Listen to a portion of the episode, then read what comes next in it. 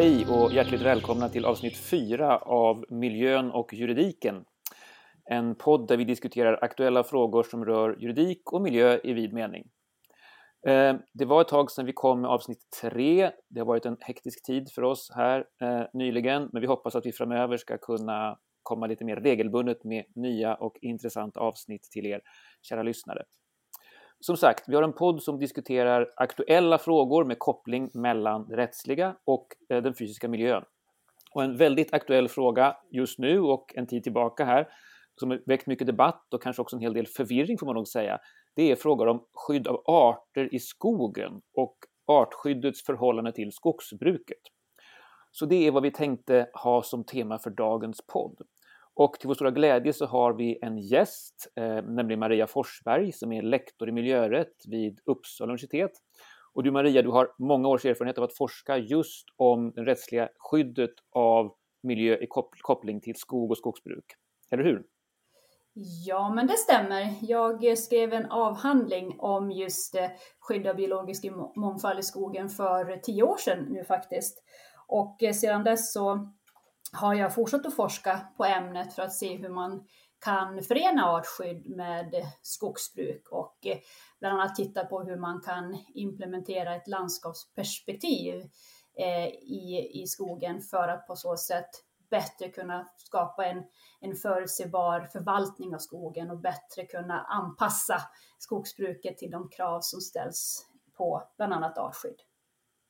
Spännande. Vi är jätteglada att ha dig här idag och ser fram emot det här samtalet.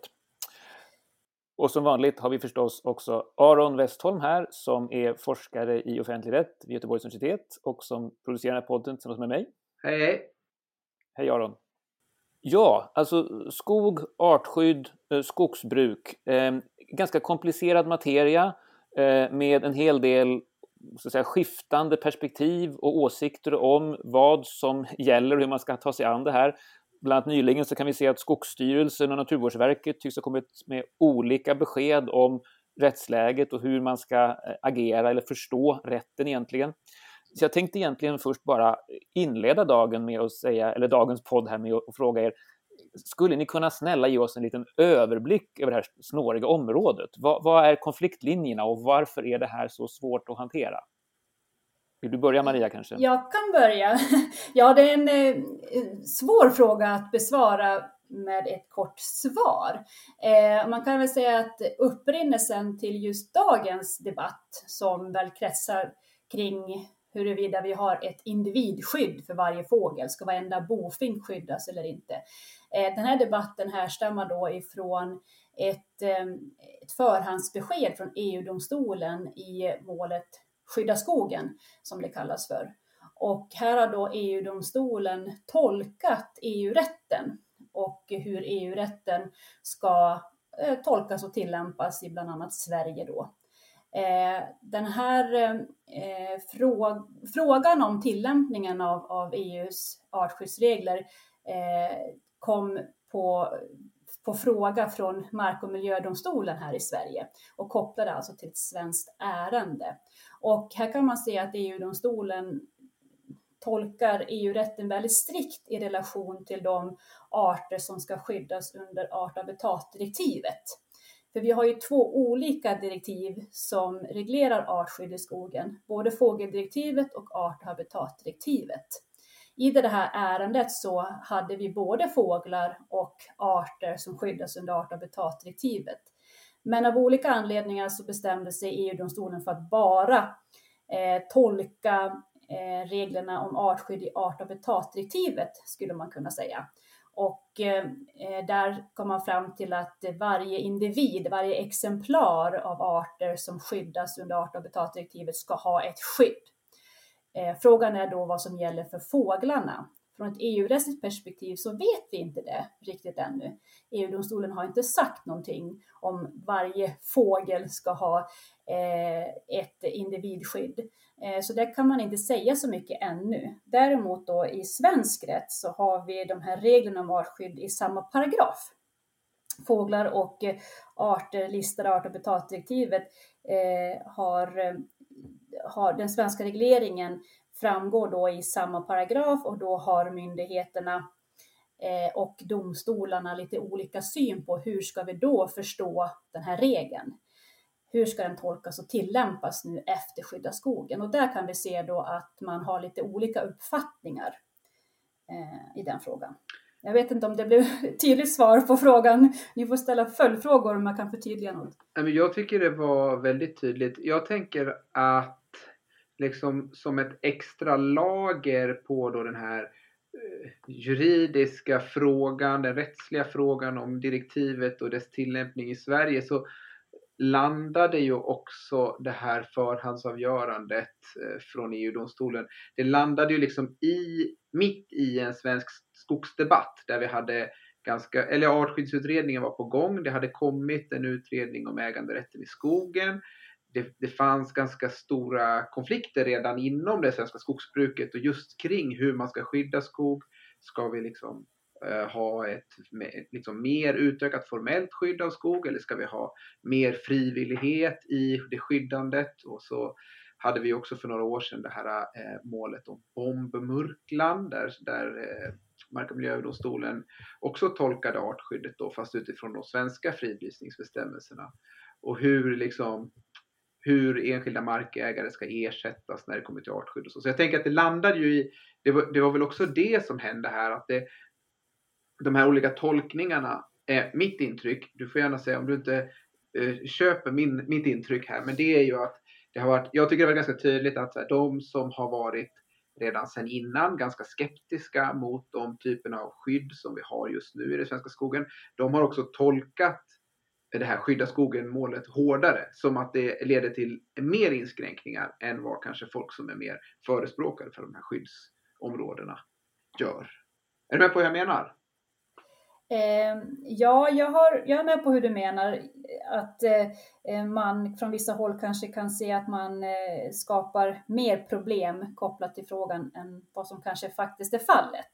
Och det är väl lite så som man kan ha sett i debatten som har pågått här i, i, i på senare tid, där man då menar att eh, individer av fåglar har ett, ett Eh, ett, starkt skydd. Och det menar jag att det har man inte sett ifrån ett EU-perspektiv ännu. Och, eh, men skulle man göra det, då blir det absolut eh, problem eh, kopplat till inte bara skogen utan också andra typer av verksamheter och kanske till och med allemansrätten. Det här är ju någonting som har uppmärksammats av eh, bland annat då generaladvokat Kokott eh, som lämnade då ett yttrande i det här ärendet Skydda skogen. Eh, det är ju så att eh, när EU-domstolen ska lämna förhandsbesked så har man en generaladvokat till hjälp för att bereda ett ärende och ger förslag på ett, eh, ett yttrande, ett förslag på avgörande.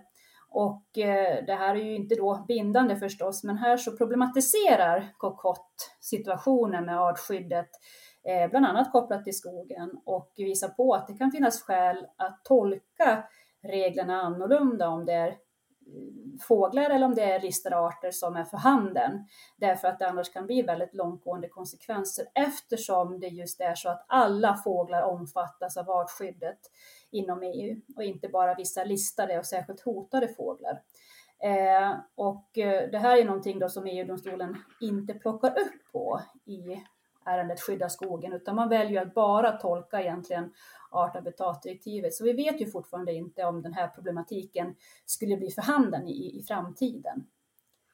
Nej, precis. Nej, det är ju, det, och det är väldigt intressant då eftersom vi har dem i samma paragraf då i den svenska rätten och hur, om det går att tolka den paragrafen för domstolen då, på olika sätt beroende på vilken typ av art, om det är fåglar eller andra skyddade arter som, som omfattas. Men en sak som Eh, mitt intryck verkar ju ändå vara att eh, alla är ganska överens om att artskyddsförordningen behöver förändras. Ja, jag skulle säga att man löser ju många knutar bara genom att man skulle då separera fåglar och eh, arter i varsin paragraf helt enkelt. Och det är ju det också som artskyddsutredningen föreslår. Det blir ju då också lättare för Sverige och eh, de tillämpande myndigheterna att eh, faktiskt tolka de svenska reglerna i ljuset av den praxis som växer fram inom EU från EU-domstolen. Eh, och då eh, kan man då tydligare kunna tolka skyddet av fåglar i ljuset av den praxis som växer fram kopplat till fågeldirektivet och på motsvarande sätt tolka den svenska rätten i ljuset av art och habitatdirektivet. Som det är nu så ligger ju både fåglar och arter som sagt i samma paragraf och det har ju då eh, ställt till det. Eh, underinstanserna framförallt lyfter ju fram här, mark och miljödomstolarna, att de känner sig förhindrade att eh, tolka reglerna på olika sätt beroende på om det är fåglar då eller om det är listade arter. Och att man därför då har gått på en mer strikt tillämpning av reglerna i den linje som EU-domstolen har haft då i, i skydda skogen. Så jag tror att det kan vara en god idé att separera reglerna. Samtidigt så eh, ska man också vara medveten om att eh, det har ju växt fram praxis på området, både kopplat till fåglar och kopplat till eh, listade arter under art och habitatdirektivet som kommer ifrån EU-domstolen och där EU-domstolen till exempel då särskilt betonar att eh, när det gäller skyddet av fåglar så ska även deras livsmiljöer, eh, fortplantningsområden och viloplatser också skyddas. Det framgår inte uttryckligen i de regler som anger eh, artskyddet i fågeldirektivet, artikel 5, utan den ordalydelsen finns ju bara i art och habitatdirektivet. Men likväl så har alltså EU-domstolen angett i sin praxis att även de här viktiga livsmiljöerna, häckningsplatser och rastplatser för särskilt då sällsynta fåglar, de ska också skyddas. Så en avverkning som eh, förstör en sån här häckningsplats skulle alltså då vara en otillåten störning.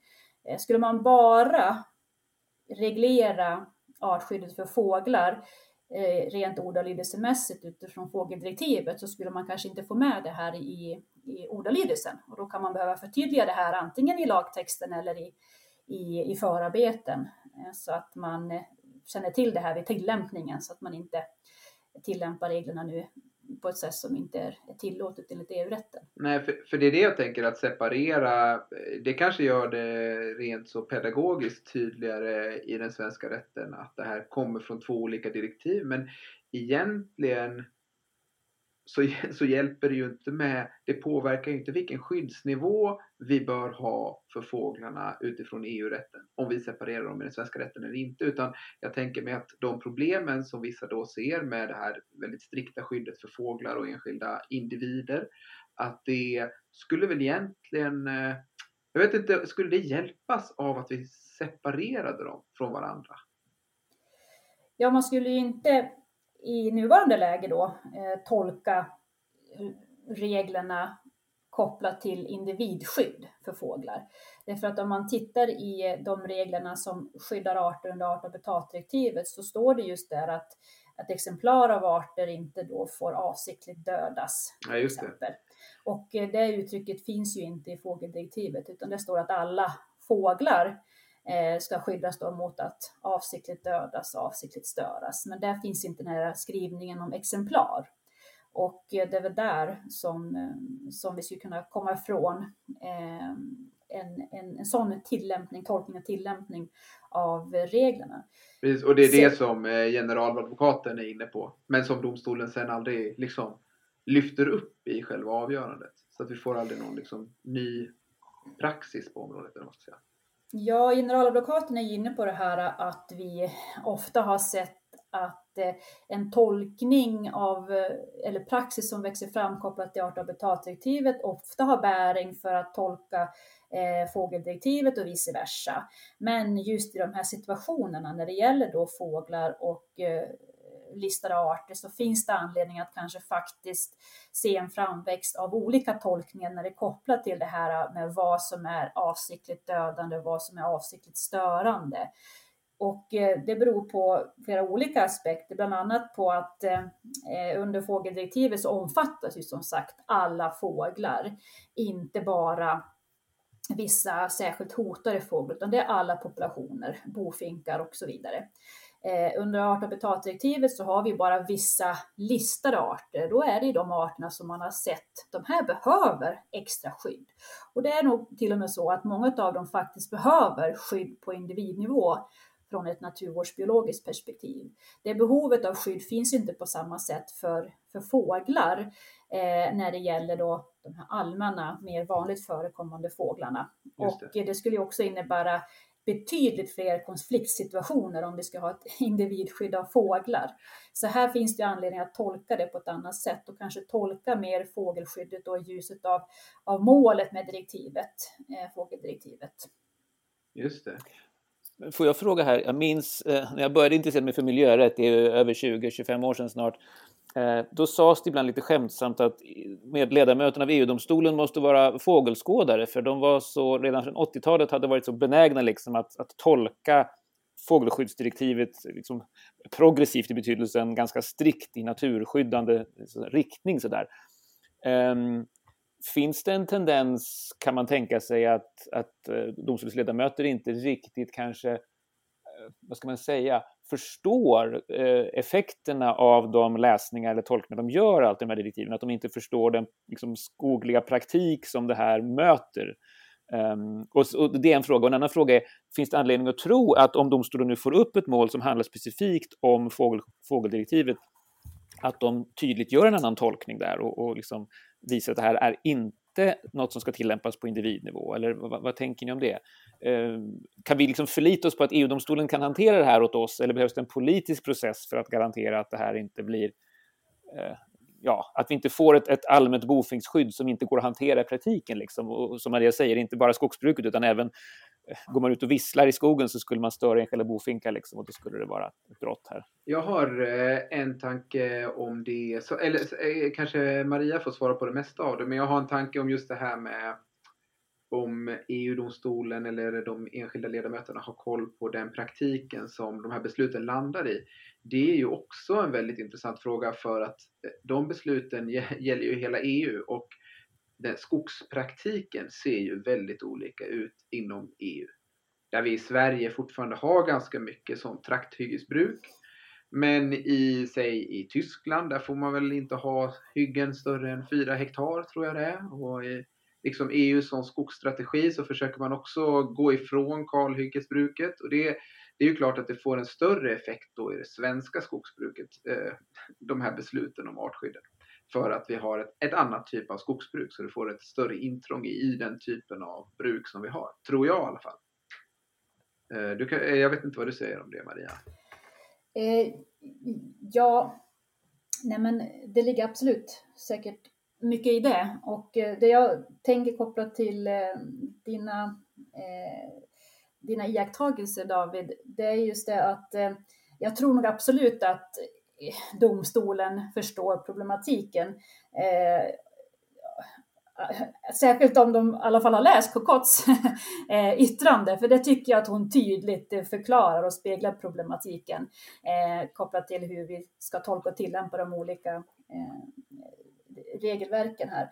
Eh, sen är det ju inte bara skogen naturligtvis som träffas av de här eh, tolkningarna, utan det är ju alla då de verksamheter som kan tänkas Eh, Eh, påverka och trigga artskyddsförbuden, så det måste man ju också ha med sig. Sen kan det vara så att det finns särskilda en särskild problematik kopplat just till pågående markanvändning såsom som skogen. Och det är ju någonting som EU-kommissionen har plockat upp särskilt i sin vägledning till de här paragraferna där man uppmärksammar och förstår att det är särskilt problematiskt att förena artskyddet med skogen och har tittat på olika, eh, ska man säga, pragmatiska lösningar för att lösa upp vissa knutar. Och det är ju i den här vägledningen då som EU-kommissionen har föreslagit någonting som kallas då för kontinuerlig ekologisk funktionalitet.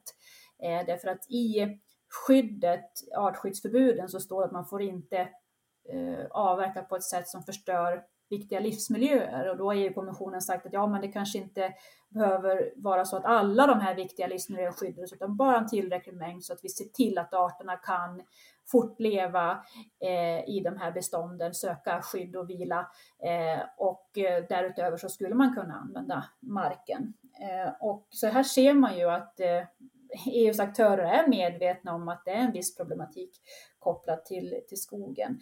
Sen så handlar det också om att EU-domstolen i det här fallet ska också vara eniga, ledamöterna är kopplat till en, en viss utgång. Och här kan det mycket väl ha varit så att man inte man ville undvika att ta i den här problematiken. Det är ju en, en, eh, en möjlig anledning till varför man väljer att inte uttala sig om fågeldirektivet. Man tar en liten enkel väg ut skulle jag säga. Sen kommer de likväl i framtiden att få det här på bordet igen naturligtvis. Hur ska vi eh, tolka och förstå innebörden av det skydd som fåglarna ges i fågeldirektivet och vad kan man ge för prognos kring det då? Ja, jag tror inte att de kommer att komma in på ett individskydd av fåglar när det gäller förbud mot att störa fåglar, avsiktligt störa fåglar, för där är det uttryckligen så i ordalydelsen att man ska se det här i relation till då eh, målet med direktivet som eh, eh, och men, men däremot när det gäller det här med avsiktligt döda så kan man kanske möjligen se att här ser EU-domstolen på ett annat sätt, att eh, det är förbjudet att avsiktligt eh, döda även individer av fåglar, även när det gäller pågående markanvändning som skogsbruk, vilket skulle kunna resultera i begränsningar av eh, avverkningar under häckningsperiod till exempel. Men det här är ju bara rena spekulationer förstås. Tack. Ja, nej, men det är väl ett känt fenomen att domstolar ofta avstår från att hantera frågor om de inte absolut måste det helt enkelt för att inte låsa in sig i positioner för framtida situationer och så.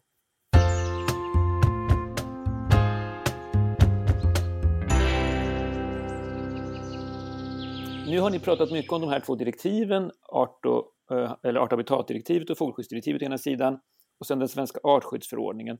Men går det för lyssnarna att liksom utveckla lite vad som egentligen följer av EU-rätten och vad som är en svensk fråga som, som den svenska då liksom lagstiftaren, den svenska politiken förfogar över? Ja, det, eh, jag tänker att du kan nästan ta, ta det också Maria. Jag, en intressant fråga som har, jag har varit uppe är ju det här med överimplementering och huruvida då den svenska implementeringen av fågeldirektivet går längre än vad direktivet eh, säger. Mm.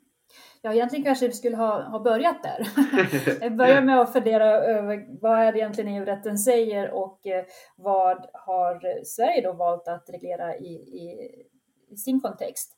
Och eh, visst är det så att man i olika omgångar har diskuterat och fört fram det här med överimplementering. Och vad är då överimplementering? Ja, det här syftar då på att man menar att Sverige har fört in mer långtgående eh, krav på hänsyn än vad EU-rätten ställer. Eh, och det är ju fullt möjligt att göra så kan man väl börja med att säga på områden där EU har använt sig av så kallade minimidirektiv för att reglera ett område. Och just i det här fallet då, de här två naturvårdsdirektiven som vi har pratat om idag, eh, så är de minimidirektiv. Och det innebär att Sverige får gå längre. Vi måste ha ett visst minimiskydd för arterna, men vi får gå längre. Och eh, en tydlig sådan eh, eh, diskussion kring överimplementering är just det här med skyddet av fåglars fortplantningsområden och viloplatser. För i vår artskyddsförordning så står det att fåglars fortplantningsområden och viloplatser också ska skyddas. Den skrivningen finns inte i fågeldirektivet utan bara i art och habitatdirektivet. Sverige har ju då valt att införa skyddet av eh, fåglar och arter i samma paragraf som vi varit inne på. Och i den skrivningen då har man valt att spegla eh, ordalydelsen i art och habitatdirektivet och där ingår då Eh, eh, fortplantningsområden och viloplatser. Och då undrar man sig, innebär det i praktiken de facto en överimplementering? Har vi mer långtgående krav än vad EU-rätten ställer? Och det skulle jag säga att det har vi inte. Det har vi inte sett i den eh, tillämpning av reglerna som vi har haft i Sverige. Eh, en anledning är för att vi inte har tillämpat eh, reglerna så som ett bofinksskydd, utan vi har bara tillämpat den tidigare och i relation till de fåglar som har behövt skydd av olika anledningar, för att de är listade eller hotade på något sätt. Eh, sen när det gäller då vad EU-rätten rent faktiskt ställer för krav kopplat till de här livsmiljöerna så kan man se att EU-domstolen har tolkat det som att det är en störning av fåglar, en otillåten störning av fåglar om det är så att man förstör deras häckningsplatser och eh, rastplatser. Man har till och med sagt att det här är ett centralt skydd av artskyddet kopplat till fåglar, att ge fåglarna den här eh, det här skyddet, eller livsmiljöerna, det här skyddet. Så att på så sätt kan man inte se någon överimplementering där. Däremot om vi nu då rent faktiskt skulle börja tillämpa ett individskydd på fåglar, då kan vi absolut se det som att vi har en, en överimplementering av vad EU-rätten kräver här och nu. Men just det här individskyddet är det väl inte heller egentligen jag har aldrig stött på någon som egentligen förespråkar ett individskydd Nej. heller. Inte, och då inte heller EU-domstolen.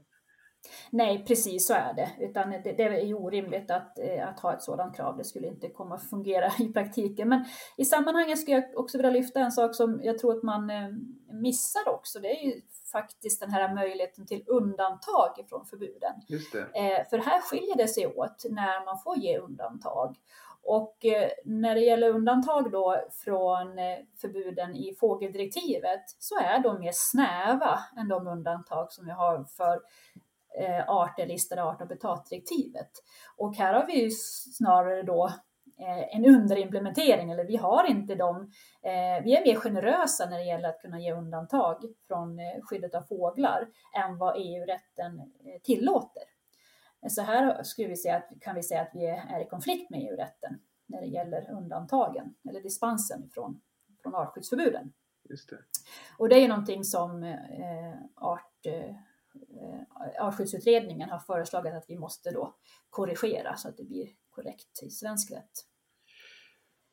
Um, sen har vi ju också, som jag tänker för att krångla till det ytterligare, så har vi också de nationellt fridlysta arterna som liksom är sådana som inte skyddas genom EU-rätten utan som vi har en egen liten bilaga till förordningen som vi, där vi fridlyser våra egna arter. Och det gör ju, det har ju liksom skapar ju också ett litet otydligt rättsläge är min upplevelse. I alla fall i förhållande då till det här målet som jag nämnde förut med bombmurklan som var en nationellt fridlyst art och där liksom domstolen införde en ny dispensgrund egentligen som inte finns i artskyddsförordningen.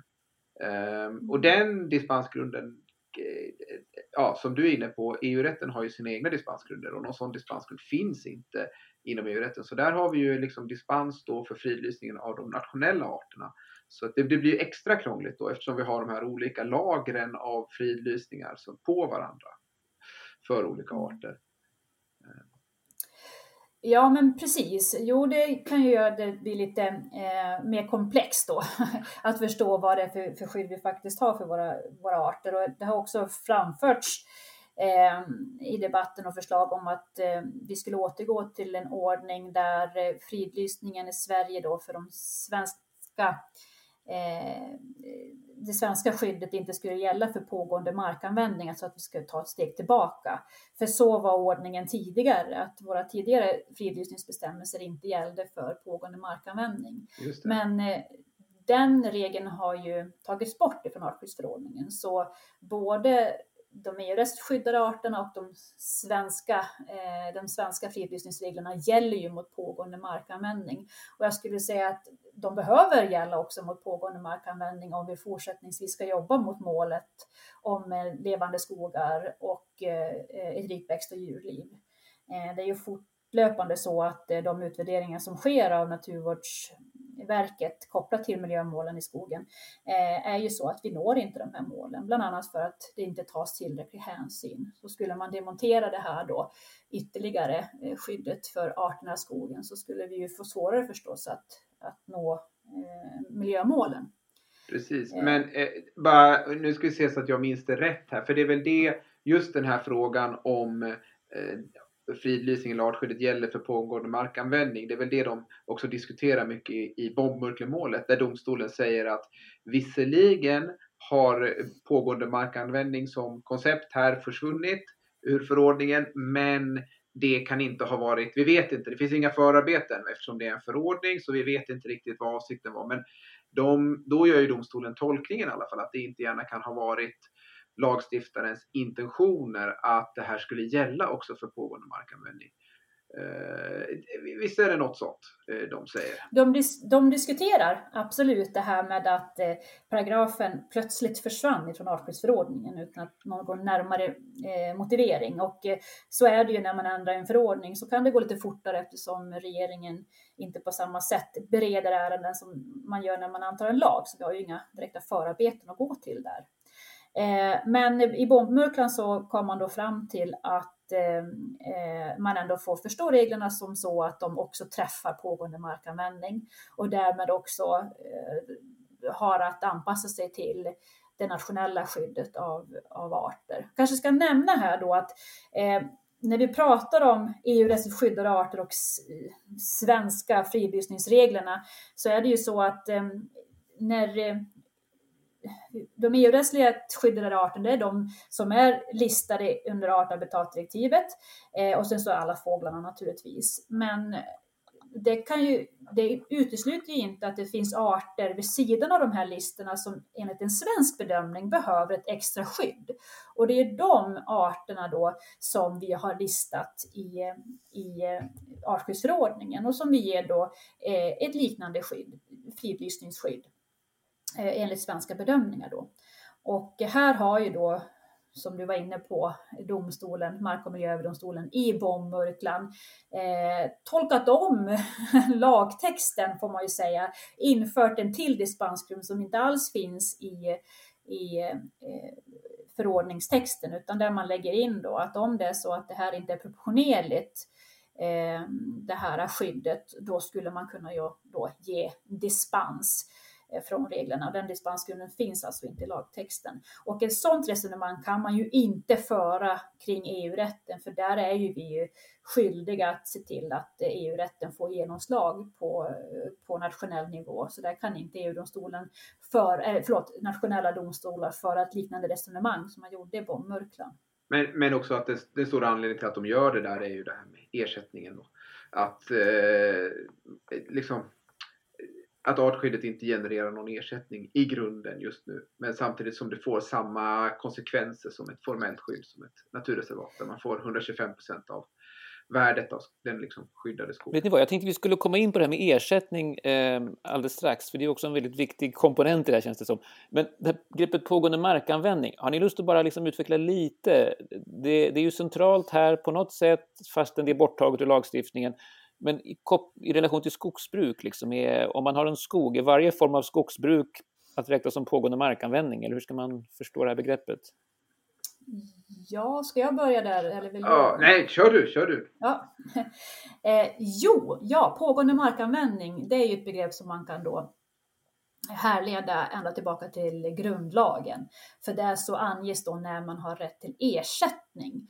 Och eh, man har en grundlagsskyddad rätt till ersättning i de fall då det allmänna eh, begränsar eh, pågående markanvändning på ett sätt så att det avsevärt försvåras, står det. Och här är då alltså begreppet pågående markanvändning centralt. Vad är då pågående markanvändning? Och här kan man då lägga in flera olika aspekter i vad pågående markanvändning är för någonting. Och här har man prövat i domstol olika eh, ingredienser av begreppet pågående markanvändning så att säga. Man har bland annat tittat på, är det så att eh, en urskog som aldrig tidigare avverkats, är det fortfarande att betrakta som eh, pågående markanvändning att avverka den skogen? Och det har man kommit fram till att ja, det är det. En annan aspekt av pågående markanvändning, det är just det här eh, lagligheten kopplat till markanvändningen. Därför att i förarbetena eh, redan från 70-talet då när man införde rätten till ersättning kopplat till pågående markanvändning så pratar man om att det aldrig kan bli aktuellt att ersätta en markanvändning som är olaglig. Utan det handlar hela tiden om markanvändning som är laglig och där man då begränsar den till följd av att vi behöver skydda angelägna allmänna intressen som naturen i det här fallet. Så det här med lagenligheten är ju någonting som diskuteras en del nu och eh, då kan man ju se att artskyddsreglerna, det är ju förbudsregler. Eh, det är ju tydligt reglerat då i miljöbalken att det är artskyddsbrott att eh, eh, bruka marken på ett sätt som är oförenligt med, med artskyddsreglerna, ett artskyddsbrott. Och eh, det skulle då kunna vara ett motiv till varför man inte har eh, kopplat ersättning till artskyddsreglerna. Man kan också se det som Mark och miljööverdomstolen har gjort, att artskyddsreglerna är en precisering av hänsynsreglerna i andra kapitlet miljöbalken. Och hänsynsreglerna, de sätter ju en miniminivå på vad som är laglig användning av marken. Eh, samtidigt så får man ju se det som så att eh, skyddet av naturen kan man ju uppnå på två olika sätt. Man kan inrätta, inrätta ett naturreservat, ett områdesskydd med stöd av sjunde kapitlet miljöbalken och då har markägaren rätt till ersättning. Eller så kan man då möjligen då istället om det finns arter på plats förbjuda markanvändningen med stöd av åttonde kapitlet miljöbalken artskyddsförordningen. Och eh, det skulle då inte resultera i ersättning och det här ger ju ett orimligt system som, som haltar kan man tycka. Att det allmänna kan använda olika typer av regler för att åstadkomma skydd men enligt det ena regelverket så får man inte ersättning, men däremot enligt det andra. Och det kan ju också röra sig om väldigt stora områden som man behöver skydda till följd av artskyddsreglerna. Och här har man menat då att det är oproportionerligt att eh, ställa för långtgående krav i relation till artskyddsreglerna utan att ge markägaren ersättning. Och eh, precis som du var inne på i Bomburg så diskuterar man ju det här och menar på att eh, en sätt att reglera det proportionella så att säga, det är ju att också ge markägaren ersättning. Då, då får man ju en kompensation för, för rådighetsinskränkningen. Men det är ju, jag, tycker, jag tycker att det är intressant. Det, det finns ju, ja, dels är det intressant att begreppet pågående markanvändning knappt, eh, alltså det behöver man inte ens diskutera eftersom som du är inne på, allting i princip i skogen är på, alltså skogsbruk är i princip alltid pågående markanvändning. Utan det blir ju det här vad som är laglig markanvändning. Det är ju det som är det liksom knäckfrågan som man behöver avgöra. Men det blir ju intressant i förhållande till artskyddet när man säger det blir oproportionerligt här eh, om vi bara ser det som att det är inte laglig markanvändning och avverka då om det skulle strida mot artskyddet. Men samtidigt och åt andra hållet skulle man också kunna hävda att det, det, blir underligt i, när man bildar reservat till exempel. Att då utgår man från att allting, att, att 100% är laglig markanvändning. Att det skulle vara att, att kalavverka hela det här naturreservatet hade varit laglig markanvändning. Det hade det ju antagligen inte omfattats av eftersom det ju såklart finns arter där som man skulle vilja skydda också. Så på samma sätt är ju, där, där har man ju på något vis då istället bara tagit bort frågan om laglig markanvändning. Den har liksom exkluderats. Tidigare fanns väl det med lite mer ändå när man, fanns en, man var tvungen att tåla ett visst mått av intrång. kan man ju se som en del av det i alla fall. Ja, eh, nej men precis. Jag, jag håller helt med där att systemet haltar just därför att när det gäller ersättning kopplat till områdesskydden i sjunde kapitlet miljöbalken så utgår då inte bara full ersättning utan ersättning till 125 procent efter det här 25% påslaget utan då avräkning kopplat till vad som man då skulle kunna ange vara laglig markanvändning. Nu har jag inte tittat så mycket på de här ersättningsberäkningarna men sist jag tittade så, så hittade jag bara en underinstans som faktiskt diskuterade det här om att faktiskt kanske göra en avräkning och titta på men vad, vilken typ av markanvändning är tillåten inom området? Och, och konstaterade att ja, men den avvägning som kanske är kopplad till den hänsynen som krävs i relation till Eh, kraven i andra kapitlet miljöbalken, den ska man räkna bort och sen därutöver så får man ersättning. Men, men, men det ser man ju inte eh, i, i praxis alls, utan det får man eh, full ersättning utan att ha relaterat det till vad som är lagligt och olagligt så att säga. Sen så absolut tidigare så hade man någonting som kallades för toleransavdraget, att man eh, Eh, som det är nu då så måste man ju, det finns ju en, ett, ett, ett tak för tolerans så att säga, det ska avsevärt försvåra och när den går över den gränsen så ska man få ersättning. Tidigare så drog man då bort det toleransavdraget från ersättningen men numera så får man då alltså eh, full ersättning plus 25 procent. Eh, du sa att vi skulle komma in på det här med ersättning. Jo, men jag tänker, jag tänker ja. lite nu, om man, om man liksom anlägger den enskilde skogsägarens perspektiv här. Det här verkar ju ganska snårigt. Först har vi svenska myndigheter då som säger lite olika saker om vad som egentligen följer av EU-rätten. Och sen har vi att samhället kan använda sig av olika skyddsformer som då får helt olika betydelse för vilken möjlighet man har eller rätt till ersättning och sånt där. Um, vet, Aron, du är ju själv skogsägare, vet jag. jag vet inte om du är representativ för, för den, den genomsnittliga skogsägaren i Sverige kanske, men, men eh, liksom, vad är det man som skogsägare egentligen behöver hålla, ha, ha koll på här för att, för att förstå det här eller förhålla sig till regelverket som det ser ut idag? Det har ju också varit en ganska stor diskussion eh, där det också har varit Eh, funnits ganska separata, disparata positioner om hur mycket kunskap man som enskild skogsägare behöver ha och då som kunskapskravet som följer av andra kapitlet i miljöbalken, hur, hur det gäller då för enskilda skogsägare. Men i praktiken så är det ju ändå så att många, de flesta skogsägare är ju ganska utlämnade åt de som ska köpa virket för de hjälper ofta till med förvaltning och inventering och kommer köpa virket av en. Så att man får ju liksom kunskapen levereras ju ofta då av eh, de här eh, uppköparna som, som hjälper en med det. Och det gör ju att det är väl det sättet som man har att uppfylla någon form av kunskapskrav skulle jag säga. För att de flesta har svårt att ha den detaljkunskapen som krävs. Liksom. Men det ställer ju också väldigt höga krav på de som hjälper till med förvaltningen. Att de ska ha den kunskap som krävs. Och som det som vi väl har diskuterat idag så är ju ja, Dels är ju lagstiftningen, uppenbarligen finns det olika tolkningar av lagstiftningen och hur den fungerar. Men det är ju också så att det liksom mer generella kunskapsläget i skogen är eh, väldigt, liksom, eh, vad ska man säga, det eh,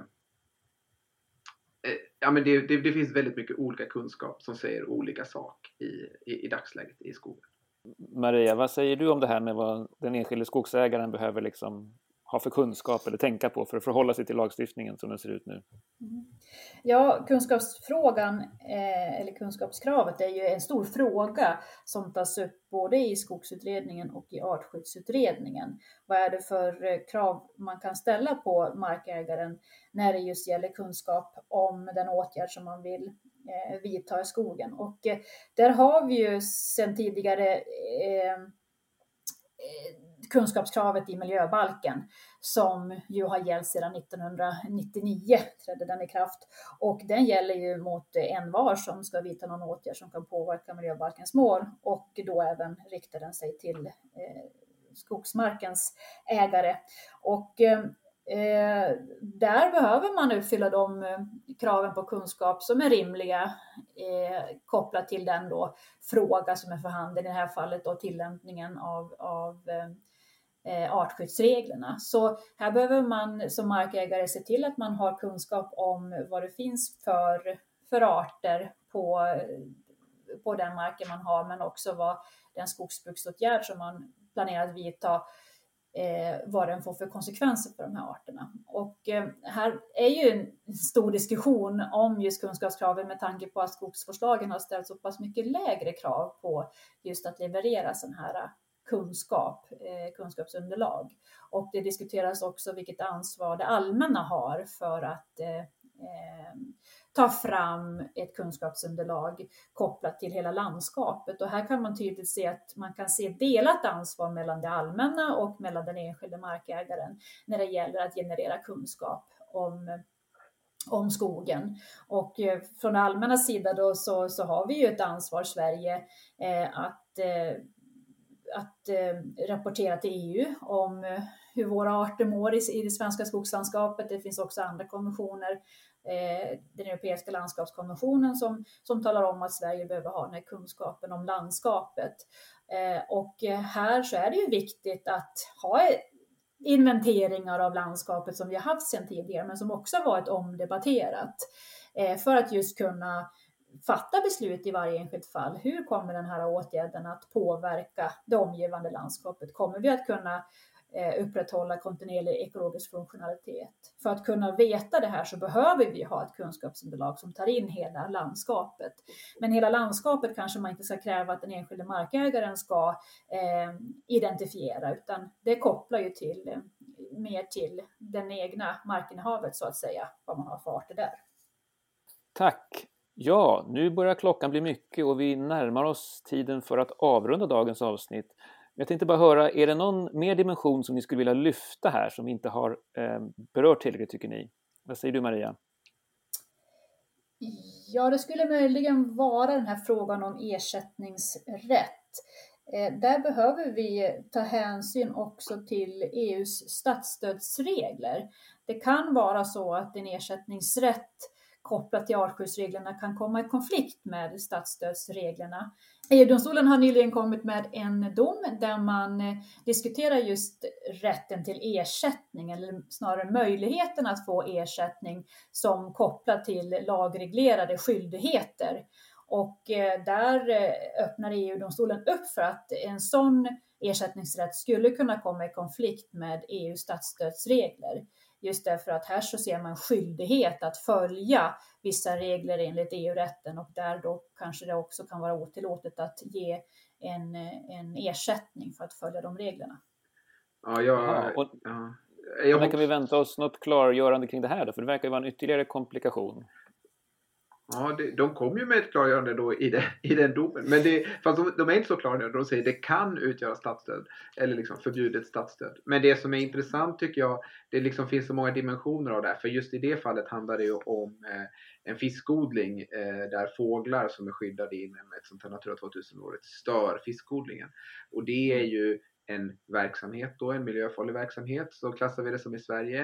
Eh, så att i Sverige hade ju de kanske aldrig fått en ersättning i sig ändå eh, eftersom de är en miljöfarlig verksamhet som förväntas liksom, vidta olika typer av skyddsåtgärder och sådär. Men skogsbruket är ju i Sverige inte klassat som en miljöfarlig verksamhet och kommer därför liksom ja, faller därför under andra regler och därför så aktualiseras ju skyddet här. Så att det kanske man skulle kunna argumentera för att eh, ja, det är ju andra typer av regler som gäller här. Men jag vet inte. Det blir väldigt spännande att se om det är om det kommer träffa också skogsbruket. Ja, om jag bara får kommentera något om det med miljöfarlig verksamhet så vissa delar av skogsbruket, vissa skogsbruksåtgärder eh, kan ju anses vara miljöfarlig verksamhet som man bland annat såg då i Noradomen, 99 tror jag det var. Eh, och eh, det, när det gäller EU-domstolens dom här nu då kopplat till Natura 2000 och vattenbruk så, så har man många generella skrivningar där ska jag säga när det handlar just om eh, kravregler som följer av EU-rätten, att de ska ligga inbäddade i en verksamhet. För annars så, så skulle den ju inte följa lagreglerna. Eh, men EU-domstolen ställer upp då olika kriterier för när det anses vara statsstöd och, och Eh, och så vidare. Och det är de då som de enskilda medlemsstaterna sen får tillämpa i varje enskilt fall för att se faller det här in under otillåtet statsstöd eller inte? Och det är väl det jag menar att man måste tänka över när man diskuterar frågan om, eh, om ersättning kopplat till artskydd. Just det. Tack så mycket. Ja, det är stora och spännande frågor det här. Eh, de tåls, tål att talas om länge. Jag tror att vi ska avrunda nu emellertid. Vi har hållit på ganska länge och det har varit mycket att tänka på. Särskilt varmt tack till dig Maria för att du ville vara med idag och dela ja, med dig av dina erfarenheter från det här området. Tack för att jag fick komma med. Ja, och eh, tack för att ni har lyssnat. Hoppas att ni eh, uppskattade eller fick ut något av dagens avsnitt och vi hoppas komma tillbaks snart med ett nytt spännande avsnitt kring en aktuell fråga i skärningspunkten mellan miljö och juridik. Tack så mycket. Hej då! Tack så mycket. Hej då! Tack, hej!